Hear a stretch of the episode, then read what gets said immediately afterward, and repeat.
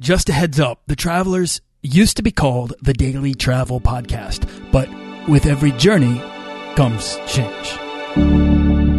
This podcast is produced by Holocene, a community of creative travelers. If you want to get serious about planning that next trip, writing that book, starting that creative project, or launching that business, we're breaking down the barriers between where you are where you want to be together at joinholocene.com. That's join, H O L O C E N E.com. In today's show, showing your kid the world and moving to Mexico with Talon Windwalker. You want to travel further and more often to visit new places and meet new people and expand the role that travel plays in your life? I'm your guide, Nathaniel Boyle, an explorer that wants to help you get out, see the world, and find meaningful, life changing experiences. Everyone wants to be adventurous and have great stories. To do the stuff of legend, this is the Daily Travel Podcast.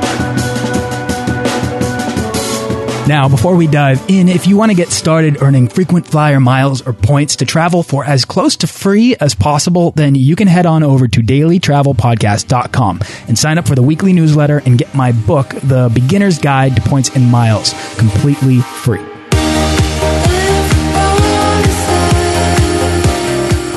Today's guest is many things, including an author and writer, running coach, scuba instructor, Zen monk. I mean, this is life, right? We're uh, many things. Uh, he's also a single father of an adopted son. And in 2011, he left his career to explore a nomadic lifestyle with his then nine year old son, believing that by world schooling him, he can give his son the greatest opportunity, the chance to experience and learn about the amazing and complex world in which we live.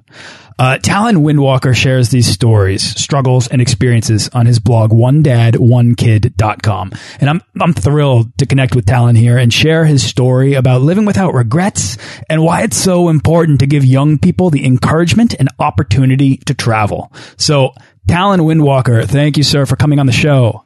Thank you. Yeah. Where are you coming from right now? Uh, we are in Playa del Carmen, Mexico. Perfect pronunciation. God, I got to work on that. Uh, I gave a brief overview of you, but uh, let's start simple. If you could just introduce yourself, tell us who you are and how you got started traveling. Well, I'm Talon. Growing up, my mother was, um, well, frankly, she was psychotic. So we moved around a lot. Um, but I enjoyed all the road trips and things like that, mostly domestic travel.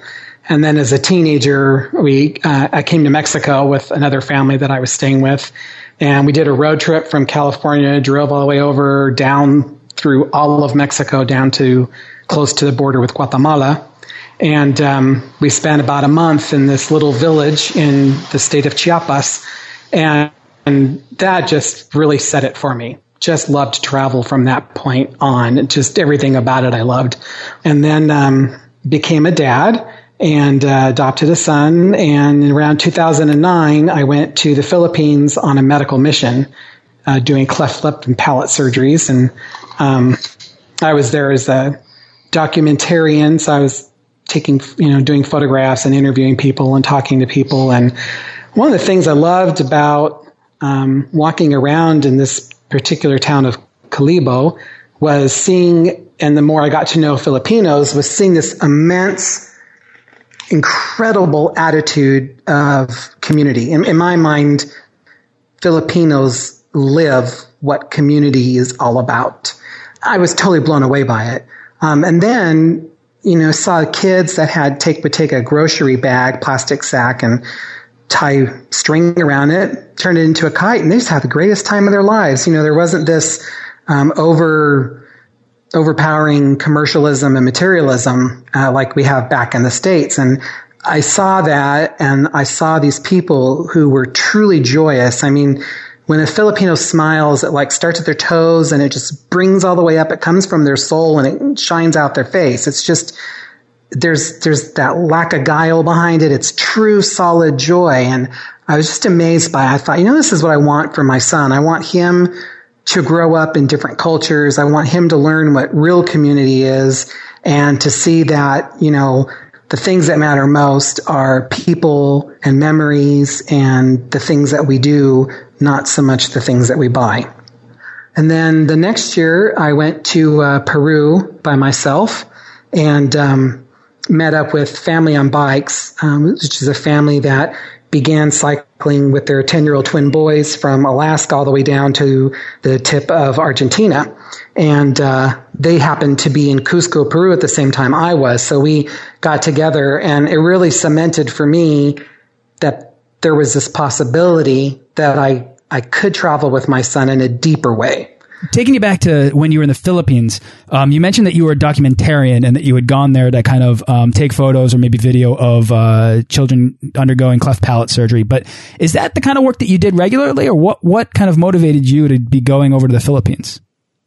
Uh, well, I worked in hospice. Um, I was a hospice chaplain, and uh, the hospital system that I worked for had a um, kind of a special relationship with this particular organization that did it. And so they just need they needed volunteers of all types, medical, and then uh, people for community outreach. They needed someone that would do photography and uh, interview people and stuff like that. And so I I just thought it would be a phenomenal experience to be part of something so incredible because I remember one kid, uh, her name's Lily, and um, she'd had her surgery, and we were visiting with her and her grandmother who was taking care of her. And Lily looked at herself in the mirror for the first time and smiled. Like before, she would hide from mirrors. Wow! But with the uh, with the cleft lip fixed, she looked in the mirror and she smiled and her grandmother just burst into tears. wow. She told us this whole huge story and we had another guy, uh, he was an adult and he walked for three days to come to this town to have the surgery. He got there early, um, before we even were there and he camped out in the hospital because they didn't know anyone, they didn't have any money. People at the hospital discovered he was camping out there, called someone in the community. They came and got him, took him to their house and treated him like he was a family member. Wow. Brought him back, um, took care of him before surgery. Uh, usually, then we have them come in the night before so we can make sure that they're actually fasting and um, that they're available on time when it's when it's their turn for surgery. They came and stayed the whole night with them. And in Philippine hospitals, usually your family brings you food. Um, so if you don't have that, unless you have money, you're not really going to eat. Uh, so they brought him food. They waited like anxious family members outside the OR until his surgery was complete. And then they stayed with him recovery, fanning him with a piece of cardboard and making sure he had food and everything. I mean, it was, it was very,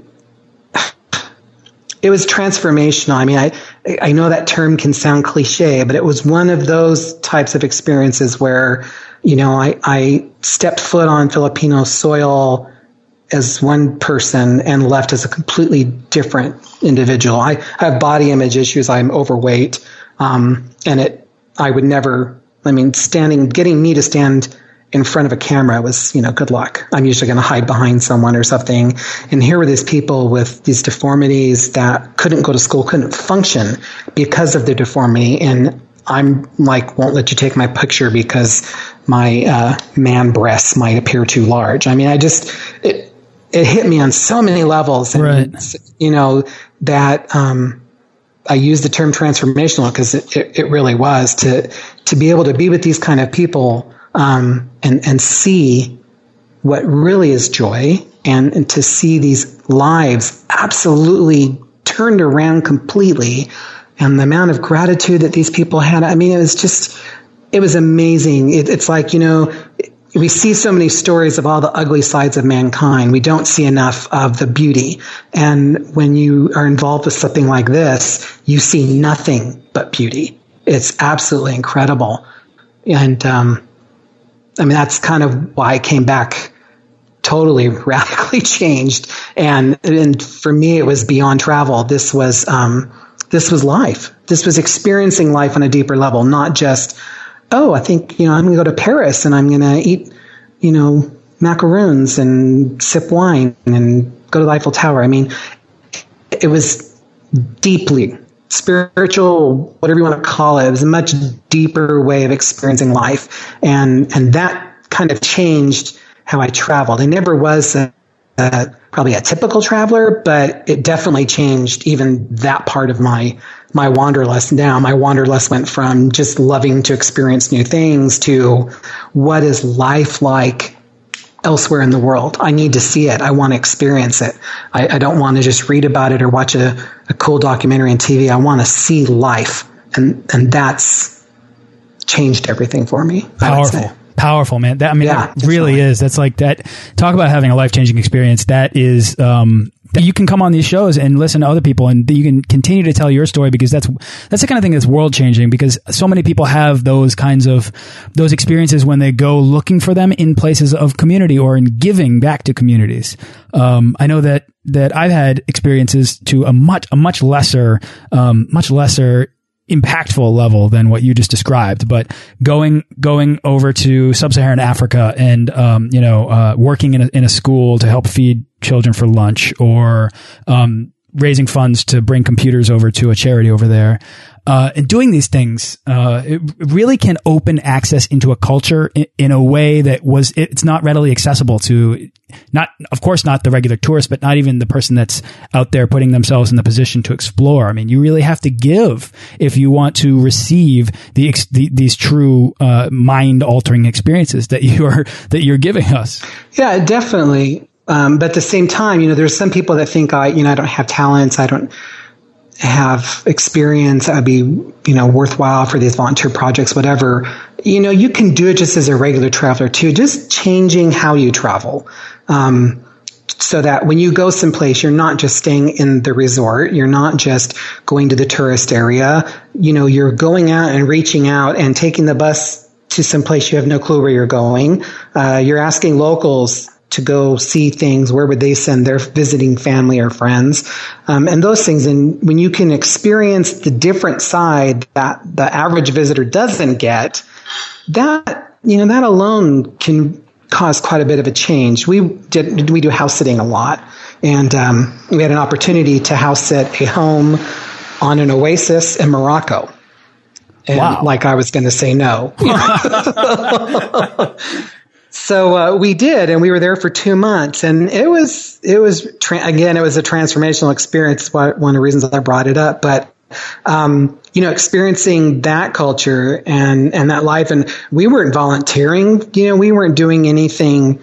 Um, charitable. We were watching someone's home and in exchange we were to live there for free. You know, we had to buy our own food and stuff, but we took care of their, their plants and their animals and the house while they were gone.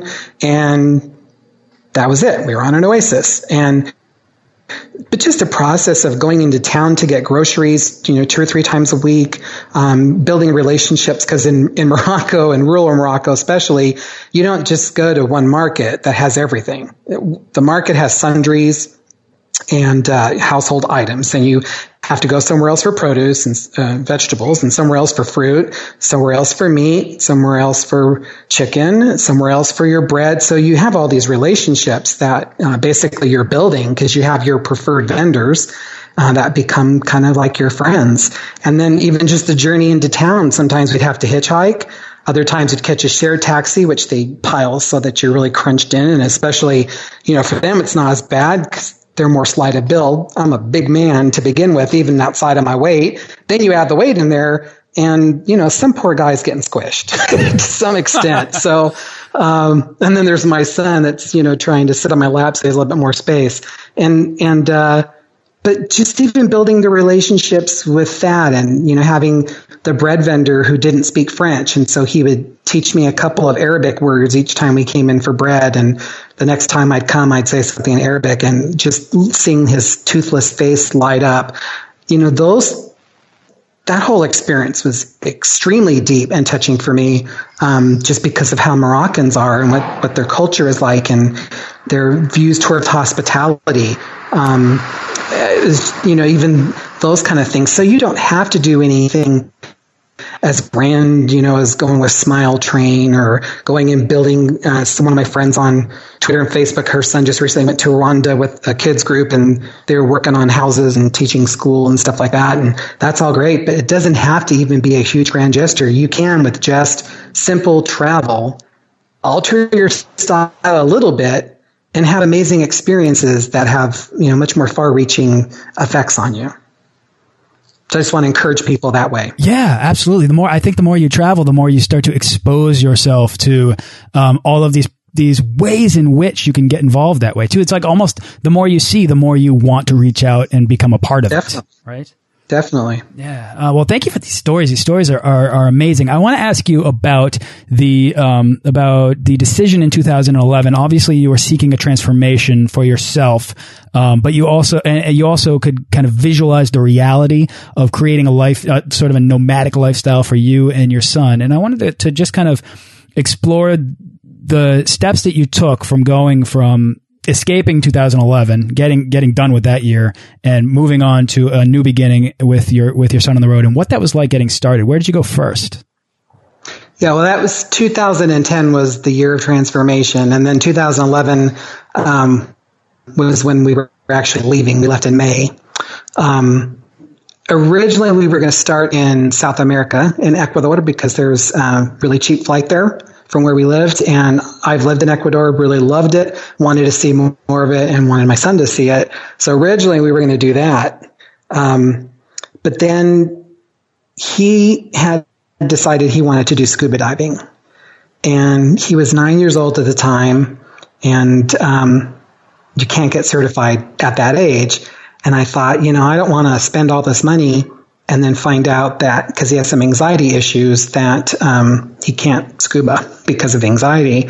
So we heard about this thing called a bubble maker, which basically you do scuba in a pool with an instructor in the water, so it's safe. But you can try it out and see what it's like to breathe underwater and have all the gear on and, swim around and work with buoyancy. And so um, we did that, and uh, both of us instantly were addicted.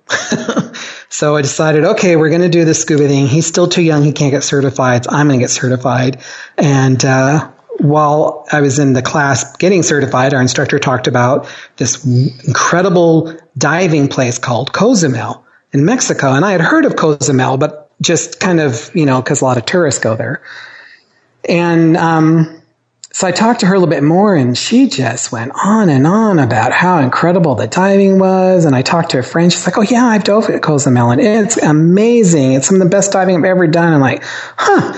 So I looked it up and found there was a really cheap flight from where we live to Cozumel.